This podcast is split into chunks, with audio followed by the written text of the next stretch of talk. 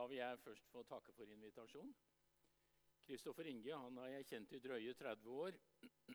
Og det har vært et eh, verdifullt vennskap. Så når han inviterte meg igjen, så kom det igjen, så er jeg glad for det.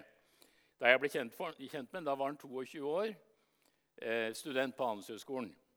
Da var han entusiastisk, da var han varm, og da var han visjonær. Det er noen år siden nå, men hva er Kristoffer Inge nå? Nå er han entusiastisk, varm og visjonær. Akkurat det samme, bare noen få år eldre. Så det vennskapet Kristoffer Inge, det setter jeg stor pris på. Um, la oss be. Herre, vi takker deg for det er din invitasjon. Kom og se. Vi er vant til å høre 'kom og hør', og det, nå skal vi høre ordet ditt. Men du inviterer oss til å komme og se, som vi skal se ordet ditt etterpå, Herre. Og nå ber vi deg at du skal vise oss noe, at vi ser noe, når du inviterer oss til å komme og se. Eh, se noe som eh, kjennes godt, kjennes, se noe som eh, kanskje vil bidra til noe endring Se noe som kan begeistre oss og gi oss visjoner. Se noe som kan eh, kalle oss til å be. I det hele tatt vi ser noe. Det ber jeg deg om i Jesu navn. Amen. Du skulle bare vise til hvor godt den der sangen som, som vi sang nå, 'Kom og se'. Og Det skjønner dere om ei lita stund når jeg skal lese det som er den teksten vi skal eh, dvele ved. Men først har jeg lyst til å fortelle Eh, litt av mitt vitnesbyrd. Eh, ikke fordi det nødvendigvis er all verdens avgjørende, eh, men jeg tror det illustrerer det som er tema.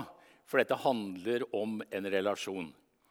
Og jeg, liksom, skulle jeg oppsummere den jeg er, og det jeg har fått være med på disse åra, 73 nå, 74 om noen dager, så, så handler det om relasjoner. Jeg vokste opp i en sammenheng som eh, eh, dere vil kjenne dere godt hjemme i. Jeg vokste opp i eh, Spudberg-Askim med Misjonssambandet og Indremisjon som de rådende miljøene. og Jeg vokste opp i dette her, og, og det var viktig for meg. Så kom jeg midt ut i tenåra, og da skjedde det med meg som har skjedd med et par før. Og eh, kommer til å fortsette med sannsynligvis også. Troen bare slukna. Det, jeg, det, var ikke noe aktiv motstand, men det bare liksom sklei ut. Eh, jeg hadde ingen å prate med om vesentlige spørsmål.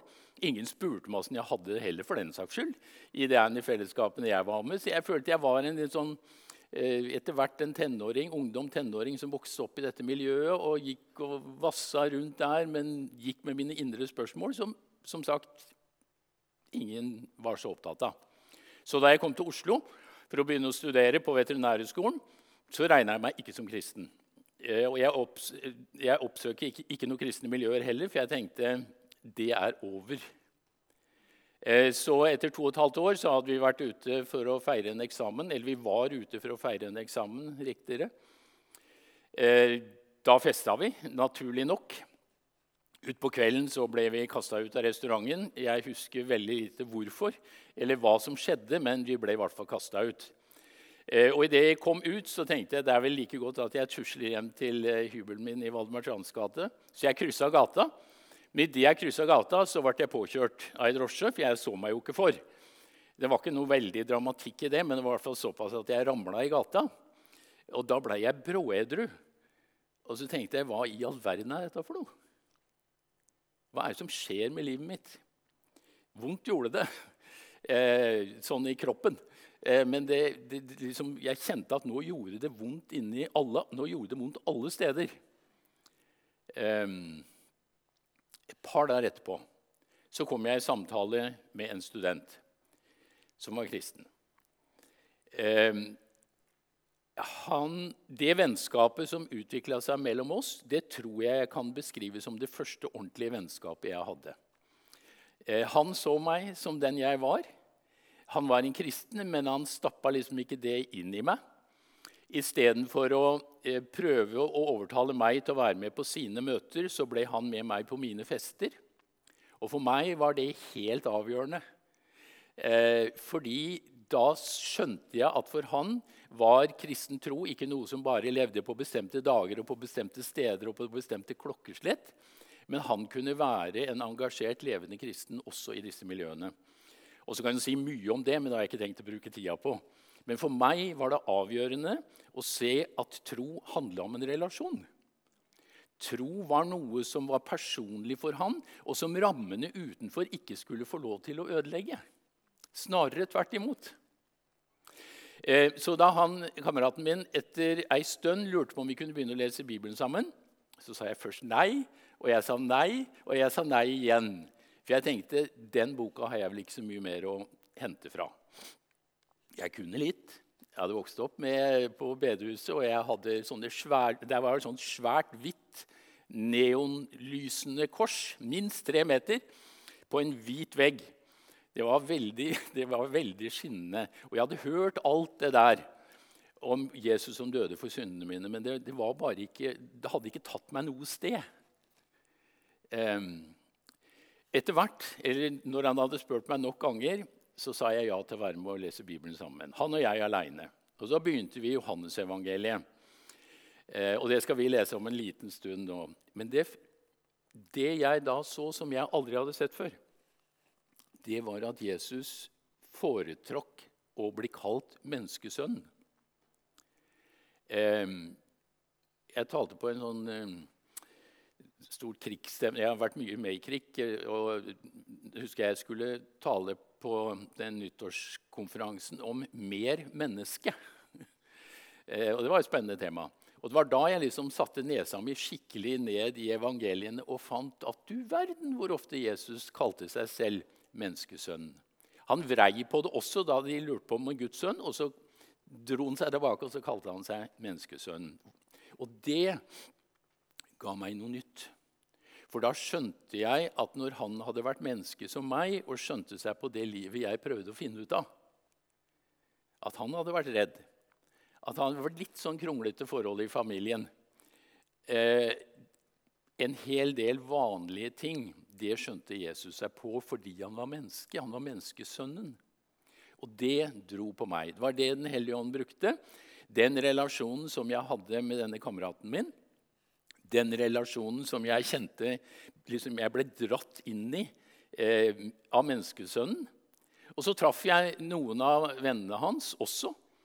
Eh, og det de var litt sånn samme ulla. De, var, de, de, de virka som de satte pris på meg. Det virka som de så meg. Det virka ikke som de var ute etter å forandre meg, men gjerne ville ha meg som venn.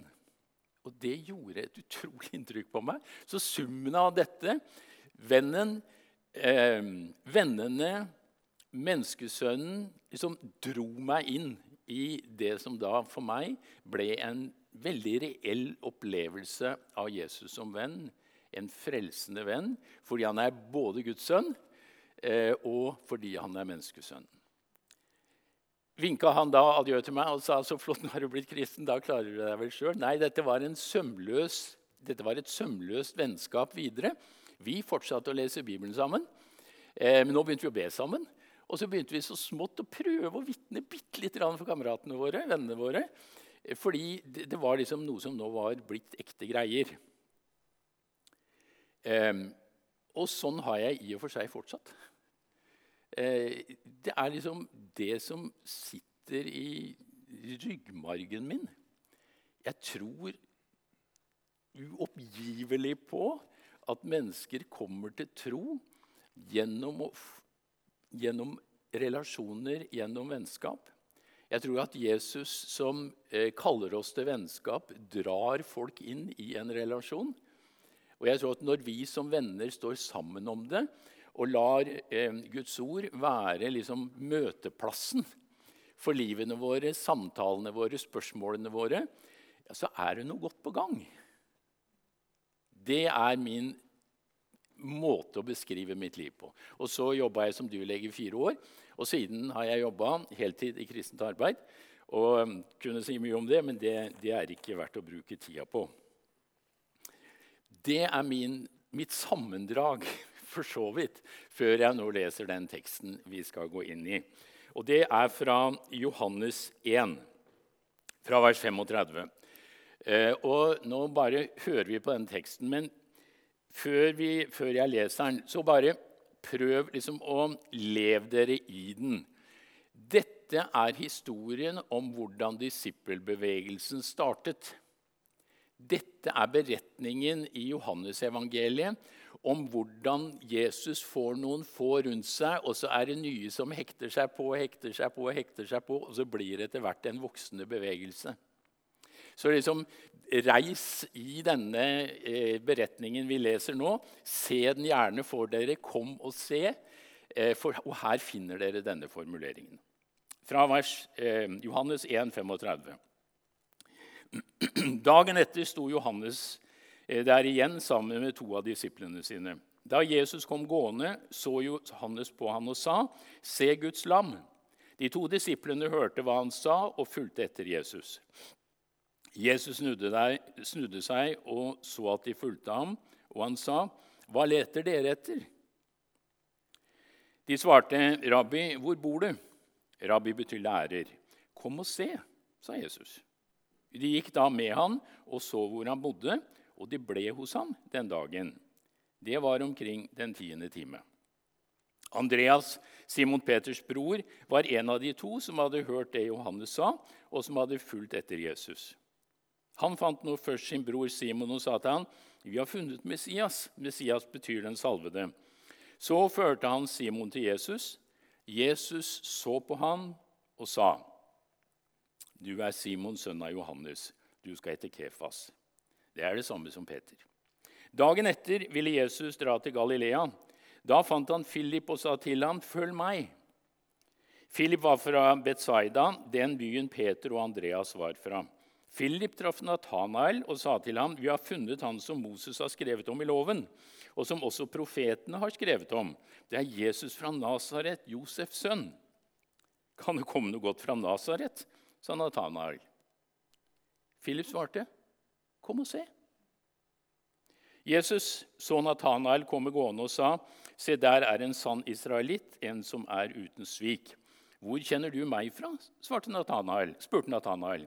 Jesus svarte, 'Jeg så deg før Philip ropte på deg, da du satt under fikentreet.' Da sa Natanael, 'Rabbi, du er Guds sønn. Du er Israels konge.'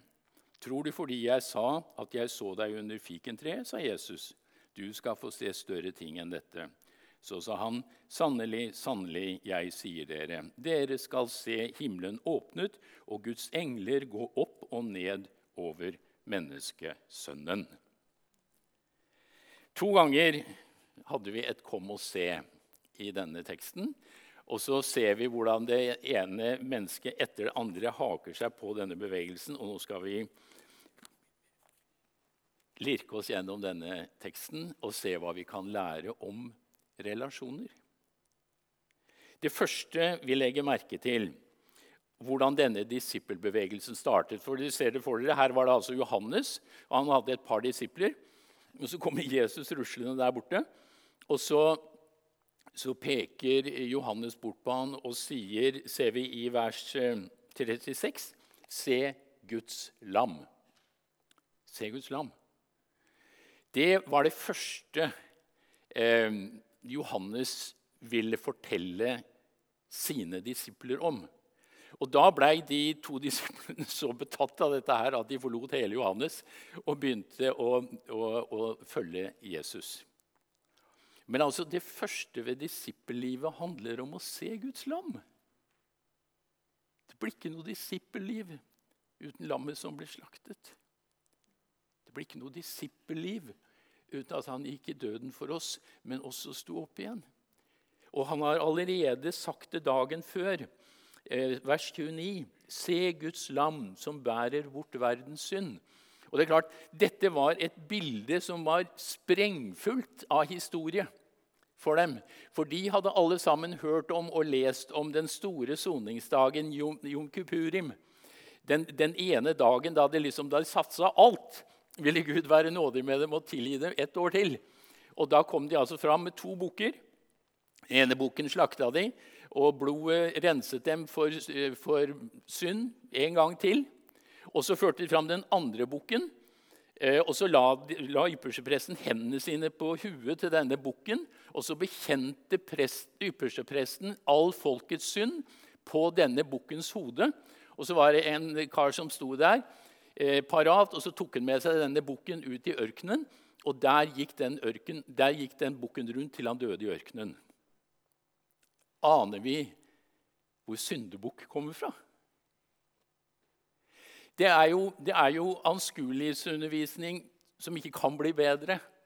Først så hører de at de er blitt tilgitt for sin synd ved at noe ofres. Med det andre, for å vise at synden er tatt fra dem, så legges det på en bukk og sendes ut i ørkenen, og den blir der.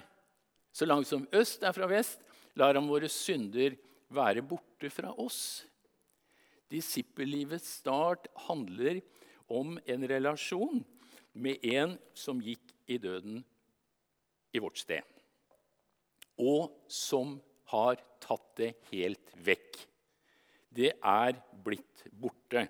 Vi som var dønn døde, er blitt sprell levende, sier Efesbrevet 2. Ikke akkurat med de samme orda, men det er saken.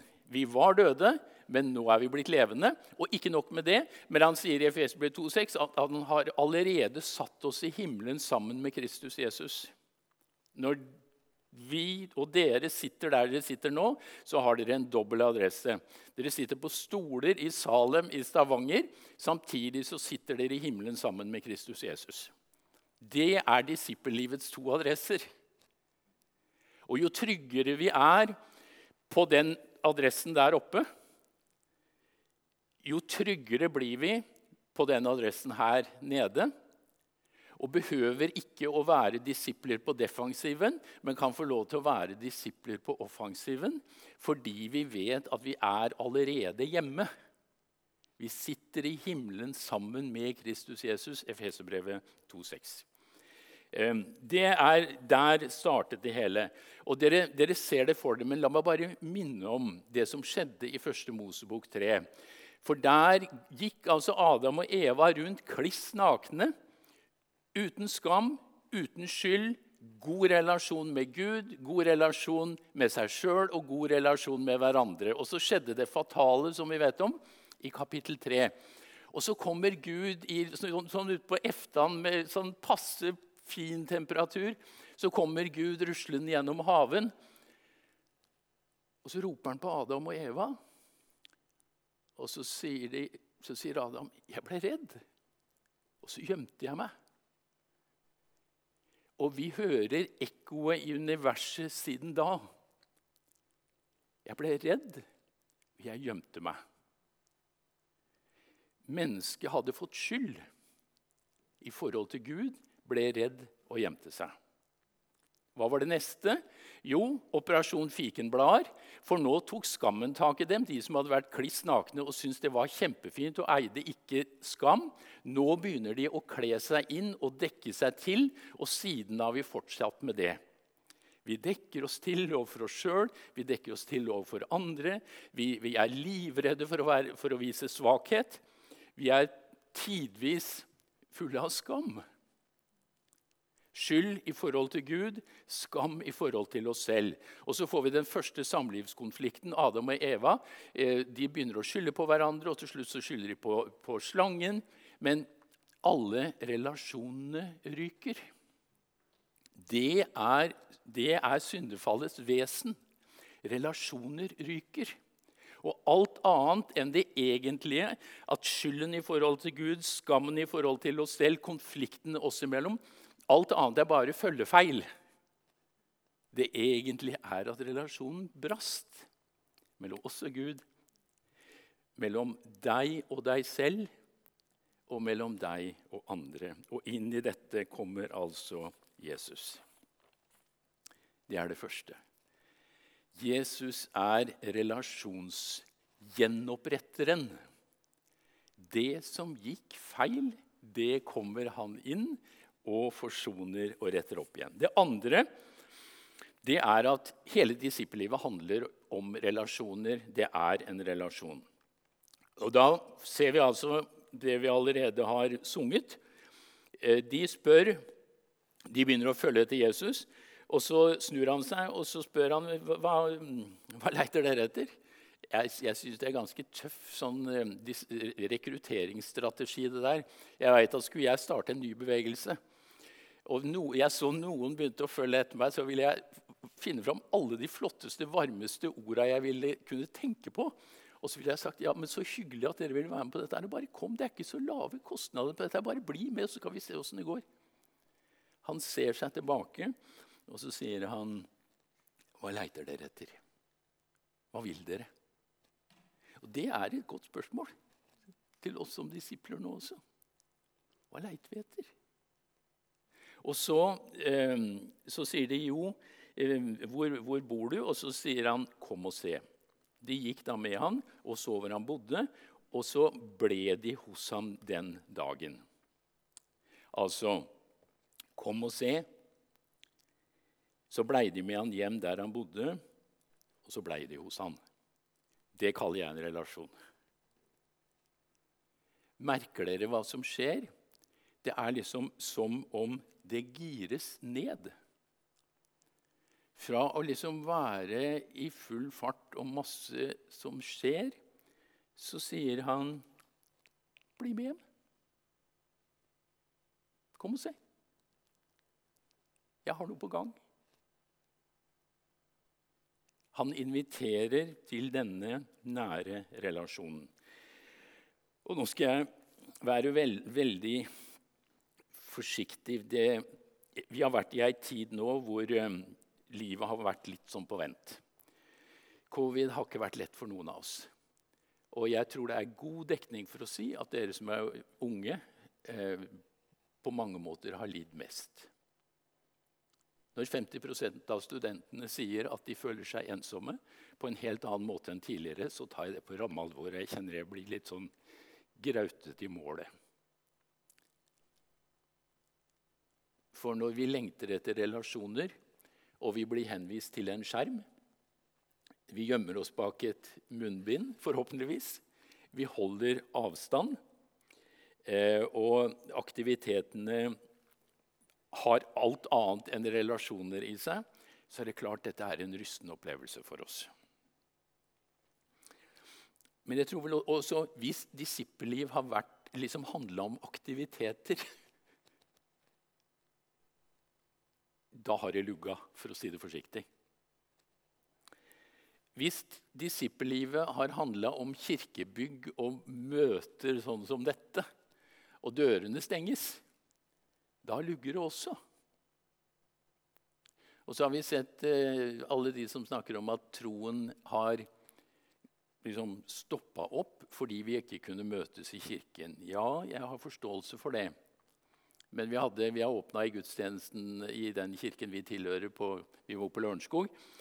Der var det ei jente i deres alder, sånn midt i 20-åra, eh, som ble intervjua. Så ble hun spurt ja, men, ble, ble spurt, men har ikke dette vært veldig vanskelig for trua di. Eh, ikke gudstjenester eller noe som helst. Og så sa jo, jeg har savna fellesskapet, men jeg har jo så trygge innarbeida bibelrutiner. Jeg har egentlig kommet dypere med Jesus i denne tida. Fordi jeg har sett at jeg har trengt Jesus. Så hvis disippellivet handler om aktiviteter og om hus og om antall, så har vi hatt ei krevende tid. Men det har også vært en mulighet til å liksom gire ned midt i det som har vært vanskelig. Jeg vet ikke om dere har hørt, hørt begrepet på engelsk eh, FOMO. Fear of missing out. Deres generasjon eh, betegnes noen ganger som det. Fear of missing out. Altså frykten for å ikke vite hva som skjer, frykten for ikke å få være med på ting. I det hele tatt det å liksom gå glipp av noe. Eh, derfor venter dere gjerne med å ta beslutninger inntil dere er nødt til å ta det. For dere lurer på dukker det opp noe mer, noe mer spennende, noe bedre. Så, så, så, liksom, den situasjonen der. Ja, vi skal være glad for hjelpemidlene våre, og min ligger der. Men det, det skjedde noe interessant i 2011. Så kom svarttelefon. Undersøkelser i flere land blant unge mennesker viser at flere beskrev livet sitt som mindre lykkelig fra 2012. Om det er bare ren tilfeldighet, det benekter den undersøkelsen. Den viser noe om at fordi vi alle sammen så lett eh, tar hånda ned i lomma og fisker den opp, det, det, det, knytter oss inn mot dette, men det gjør noe med relasjonene våre.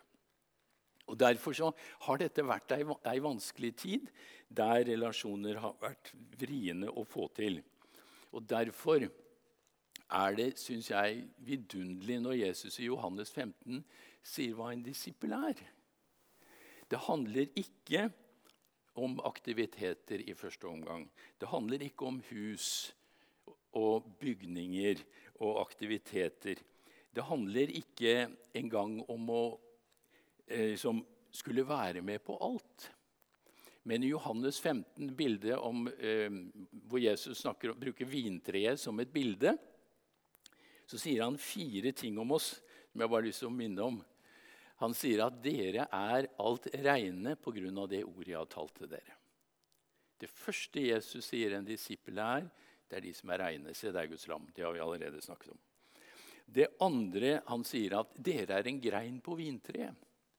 Han sier dere er en del av en større greie. Dere er en del av helheten. Hver av dere er greiner, og jeg er hele vintreet. Det betyr at vi er en del av en større helhet. Vi, Disippelen er en del av hverandre. Disipler er en del av hverandre. Vi er bundet sammen gjennom relasjoner, og vi tilhører Jesus. Vi er en del av det. Vi er greiner på et fellesskap hvor vi hører sammen. Og så sier han en disippel er elsket. Ikke fordi han gjør, men fordi han er den han er, eller den hun er. Og så sier han dere er mine venner. Jeg kaller dere ikke tjenere, for tjenere vet ikke hva Hans Herre gjør, men jeg kaller dere venner. Når Jesus skal definere en disippel, så gjør han det gjennom relasjonsord. Han gjør det gjennom å være venner, gjennom å være greiner og kny være knytta sammen. På disse veldig sånne vinrankene så klipper du her, og så dør det der ute. Fordi vi, vi, vi er så vikla sammen. Store og små greiner hører sammen, og så er vi en del av hverandre. Derfor så er dette en veldig eh, enkel, men sterk invitasjon til at en disippel er en som lever i relasjon med Jesus, som lever i relasjon med andre. Eh, men så, så, så, Det var det de fikk oppleve. De blei med Jesus hjem. De fikk en smak av hva dette var. Dette var et sted å være. Dette var et sted å være sammen med Jesus. Dette var en relasjon. Vers 40. Andreas og så videre, Simon Peters bror, var en av de som hadde hørt dette. Og så står det vers 41. Han fant nå først sin bror Simon og sa til ham, 'Vi har funnet Messias'. Andreas syntes at dette disippelopplegget det var ganske flott. For han hadde fått et levende møte med Jesus. Han hadde gira ned. Han hadde vært der, blitt med hjem og kjent noe godt gjennom vennskapet med Jesus. Og Dette vil han gjerne at brutter'n skal få oppleve òg. Og så finner han broren. Den han hadde den nærmeste, eller i hvert fall forhåpentligvis en nær relasjon til, for han var broren.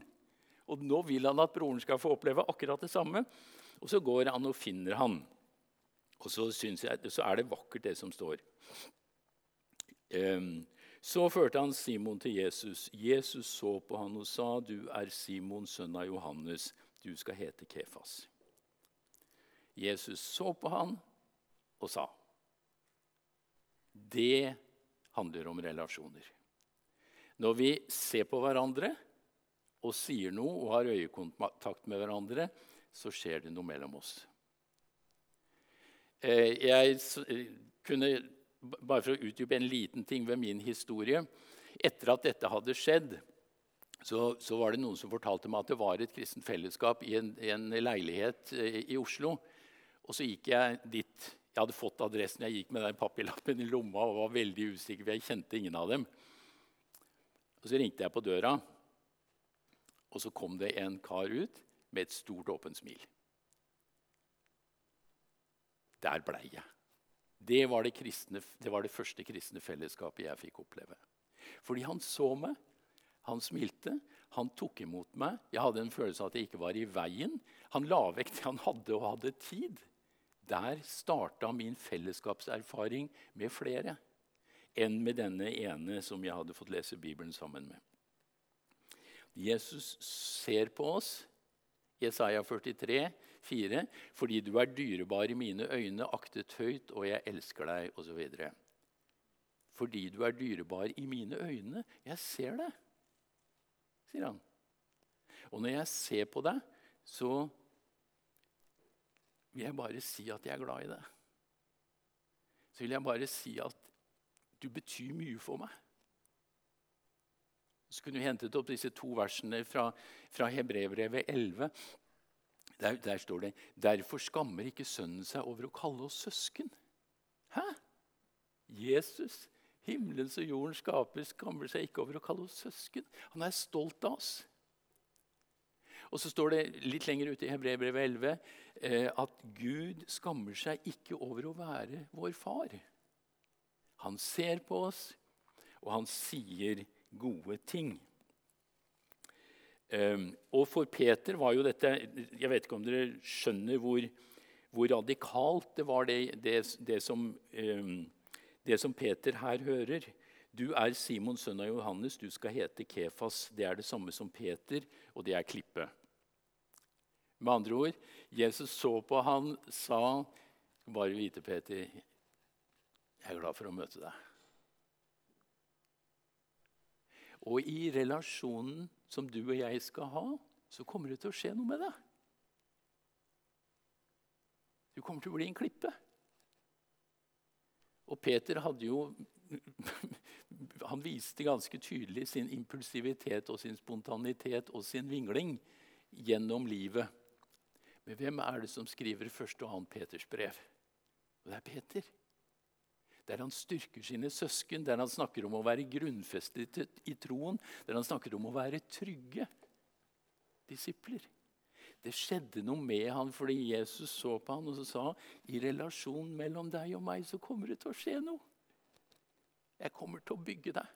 Jeg kommer til å trygge deg. Jeg kommer til å utruste deg. Jeg lengter etter å være i denne nærheten med deg. Det handler om en relasjon. Møter kan være fint. Mange ting kan være fine. Men det store spørsmålet er liksom Bygger det relasjoner mellom Jesus og deg? Bygger det relasjoner dere imellom?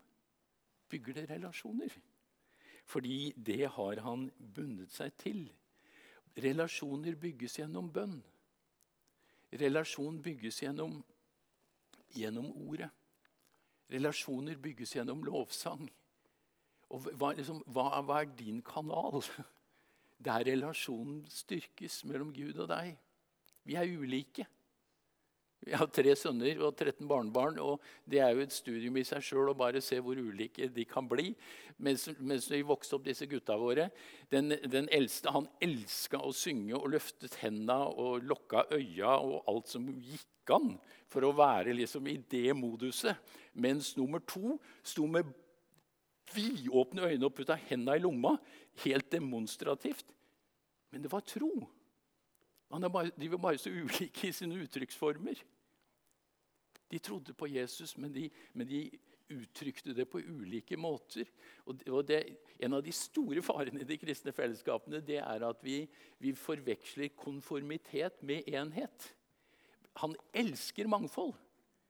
Disse, dette vintreet og alle disse greinene, små og korte, tjukke, lange osv. Han elsker ulikheter. Er derfor har han skapt oss ulikt.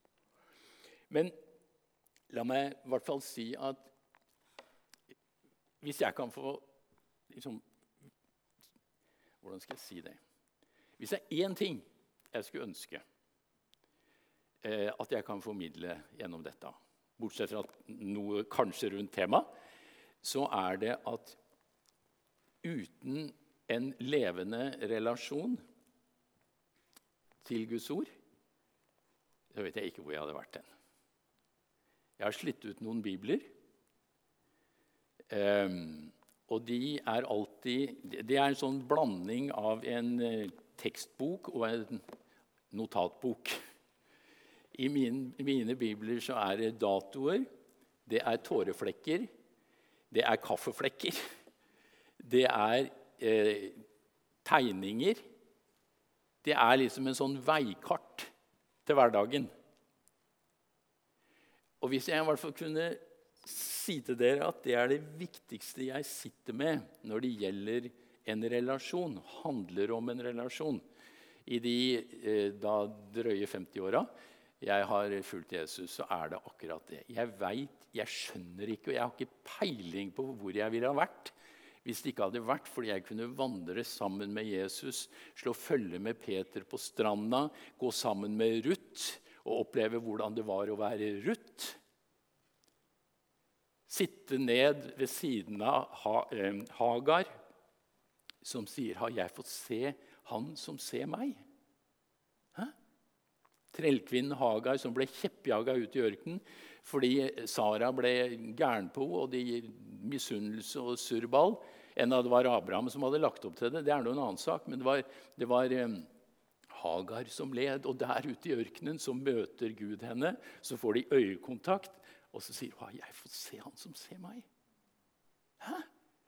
Å leve i disse beretningene, folkens, og suge relasjonskraften som ligger i fortellingene. Bibelen er sprengfull av fortellinger. Den, er, den, den, har dogmer, den har læresetninger, men den handler om levende folk i gode og onde dager som prøver å finne ut av relasjonene sine. Jeg skulle gjerne sagt mye om ulike former for fellesskap.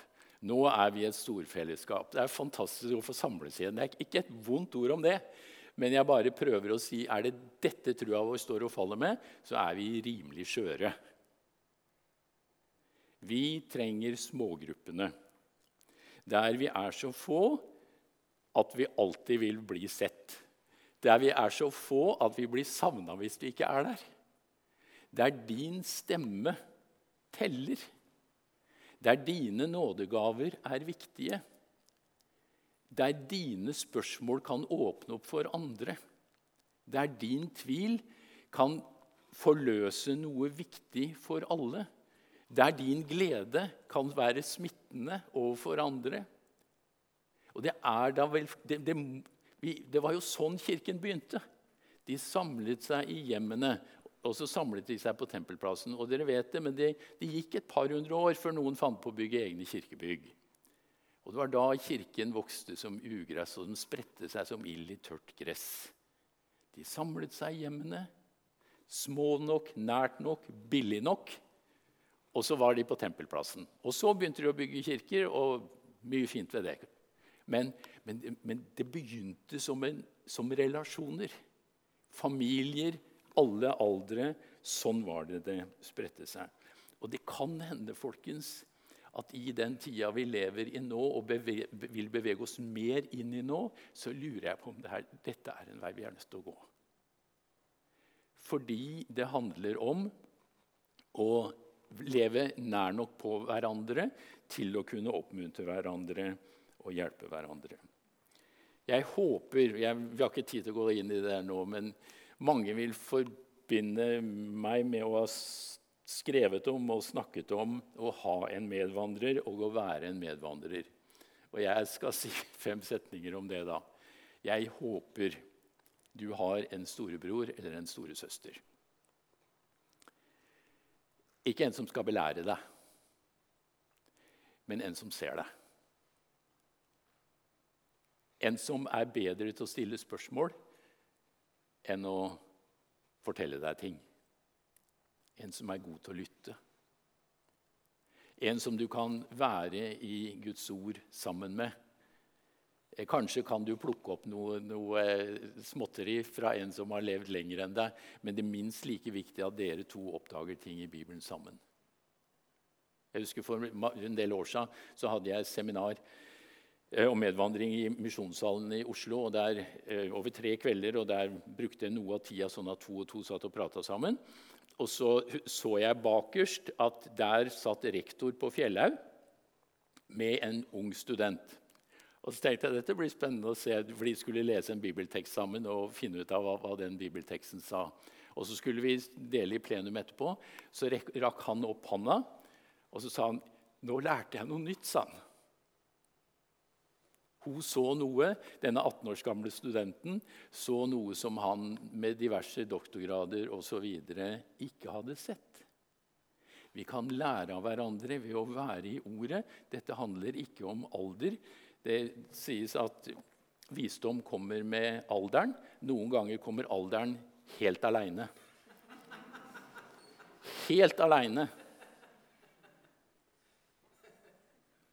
Og vi gjør ikke nye erfaringer med han som sier 'kom og se', men vi snur bunken. Vi har ikke 50 års erfaring, men vi har ett års erfaring gjentatt 50 ganger. Da er det et eller annet med relasjonen som har gått av skaftet. Når han sier 'kom og se', så er det fordi han vil vise oss noe nytt. Har, jeg håper, og det får vi snakke mer om en annen gang, men jeg Igjen, det handler om en relasjon. og Jeg håper du har en sånn relasjon. En storesøster, en storebror. Og så håper jeg du er det for andre. Får du det ikke sjøl, så, så, ikke dra opp stegene etter deg og si at fordi ikke jeg har det, så skal i hvert fall ikke andre ha det. Hver av dere som er her, kan være til en uvurderlig betydning for noen som er yngre enn dere. Ikke fordi dere har svarene, men fordi dere kan se noen. Høre åssen det går, osv. Til slutt Disipler formerer seg gjennom relasjoner. Eh, for vi så fra vers 43 eh, så eh, fant Jesus Philip, og så finner Philip Nathanael, og så er de i gang. Og så sier Jesus, 'Følg meg', sier han i vers 43. Og så kommer det noe interessant, vers 46. 'Kan det komme noe godt fra Nasaret?' sa Nathanael. Philip sa, 'Kom og se'. Kan det komme noe godt fra de kristne? Kan det komme noe godt fra Kirken? Er det ikke bare de som er sånn og sånn? Kan det komme noe godt fra hva som helst? Og da går ikke Jesus inn i en høytravende debatt med dem. Men han sier 'kom og se'. Samme greia. Han sier 'det er noe på gang her'. Det er noen relasjoner. Er noen, vi er en liten venneflokk som har funnet hverandre, og nå har vi begynt å vandre sammen. Og så bli med! Bli med! Kom og se. Det, det, det, jeg syns det er noe utrolig vesentlig i dette.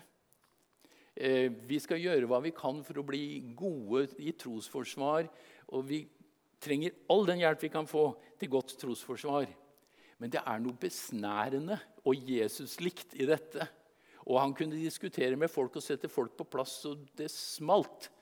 Eh, og han og så videre. Men her sier han, 'Kom og se. Det handler om en relasjon. Bli med på det som er på gang.' Slik vokste denne bevegelsen, som vi nå er en del av, ei stund etterpå. Det begynte med noen relasjoner Mennesker som ble sett av Jesus, som så hverandre, som fikk hjelp til å komme nærmere Jesus. Og så hekta de seg på den ene etter den andre. Kanskje er det noen av oss som tidvis trenger å bevege oss litt ut av komfortsonen. Det er veldig godt å være her, og jeg veit dere lever i, i eh, på studiesteder og arbeidsplasser der aldeles ikke alle er kristne. Men jeg, men jeg, tror vi skal la oss inspirere av Jesus om hvem det var sagt. Han var tolleres og synderes venn. Vi, vi kjenner Lukasevangeliet. I kapittel 15, hvor det er den ene sauen av 100 som blir borte, så er det den ene pengestykket av ti som blir borte, og så er det den ene sønnen av to som blir borte. Hva var innledningen til disse tre fortellingene? Jo, Jesus spiste sammen med tollere og syndere, og etablissementet, lederskapet, ble sinte. Sånne venner går ikke an å ha. De murret. Så står det Da fortalte Jesus denne lignelsen, og som egentlig var tre lignelser, tre historier, som alle sammen handler om å forlate det trygge for å være der sammen med de som enda ikke har funnet hjem. Ehm, når jeg på, når jeg ser dere, og når jeg tenker på hva, som, hva Jesus tenker når han ser på hver av dere nå, og sier 'Jeg ser deg. Jeg elsker deg som den du er.' Men i relasjonen oss to imellom, sier Jesus, så lengter jeg etter å hjelpe deg videre. Jeg lengter etter å gjøre det direkte med deg. Jeg ønsker å bruke ord, jeg ønsker å bruke alle de andre mulighetene. Men jeg ønsker også at du skal være en som når ut. Som, som fører til at det blir flere disipler fordi dere bygger relasjoner. Og de, deres generasjon er veldig mye bedre på det enn min generasjon. Dere kan det. Men det handler om en basisrelasjon som ligger i Jesus-relasjonen slik at vi kan breie oss ut og være i kontakt med flere andre. Min opplevelse er at folk rundt oss har det travelt nok som de har det.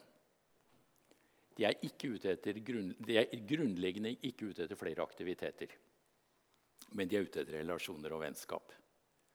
Jeg husker En nabo for mange år siden sa til meg jeg har noen ganger tenkt på jeg, sa å, å bli en kristen, men jeg ser hvor travel du er, så vet jeg ikke om jeg ville få tid til det.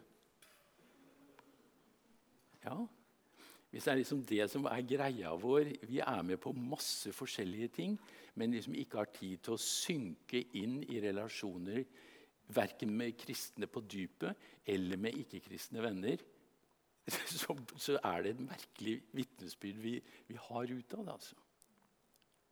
Det å få være til stede, knytte noen vennskap, slik at Jesus kan få vise seg som menneskesønnen og Guds sønnen. Ja, jeg tror jeg skal avslutte med en beretning. Jeg vet ikke om dere har lest om en som heter Clairborn. Um, han, uh, han, har skrevet en del bøker. Uh, han, driver, han, arbeider blant vanskeligstilte barn og ungdom i det inner city av Philadelphia. Og der, jeg har vært der et par ganger, og der er det ikke lett altså, å være barn og ung.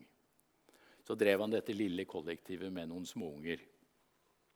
Og så var det en av disse unga på åtte år eh, som eh, eh hadde bursdag. De hadde ikke penger til noen gaver. Men, de kjøpte, men Clairborn kjøpte inn en is til denne guttungen. Og Da hadde det vært naturlig å tenke på at denne ikke altfor godt stilte gutten bare smatt bak et hjørne, eh, tok isen og koste seg med den. Han gjorde ikke det. Han sa 'Stell dere opp, unger', sa han. Og så ga han isen til den ungen som sto først i rekka. Og så stelte han seg sjøl i den andre enden. Og så sa han, 'Vi har fått is'. Og så gikk isen fra munn til munn, og så kan vi mene hva vi vil om det. Men hva som var igjen til bursdagsbarnet, det vet jeg ikke. Men vi har fått is.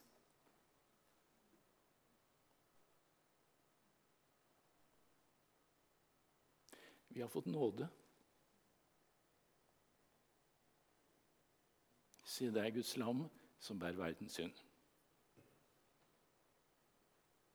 Han som kom for å gi oss identitet, ikke på aktiviteter eller utseende eller noe som helst, men knytter oss inn i seg gjennom en varm relasjon.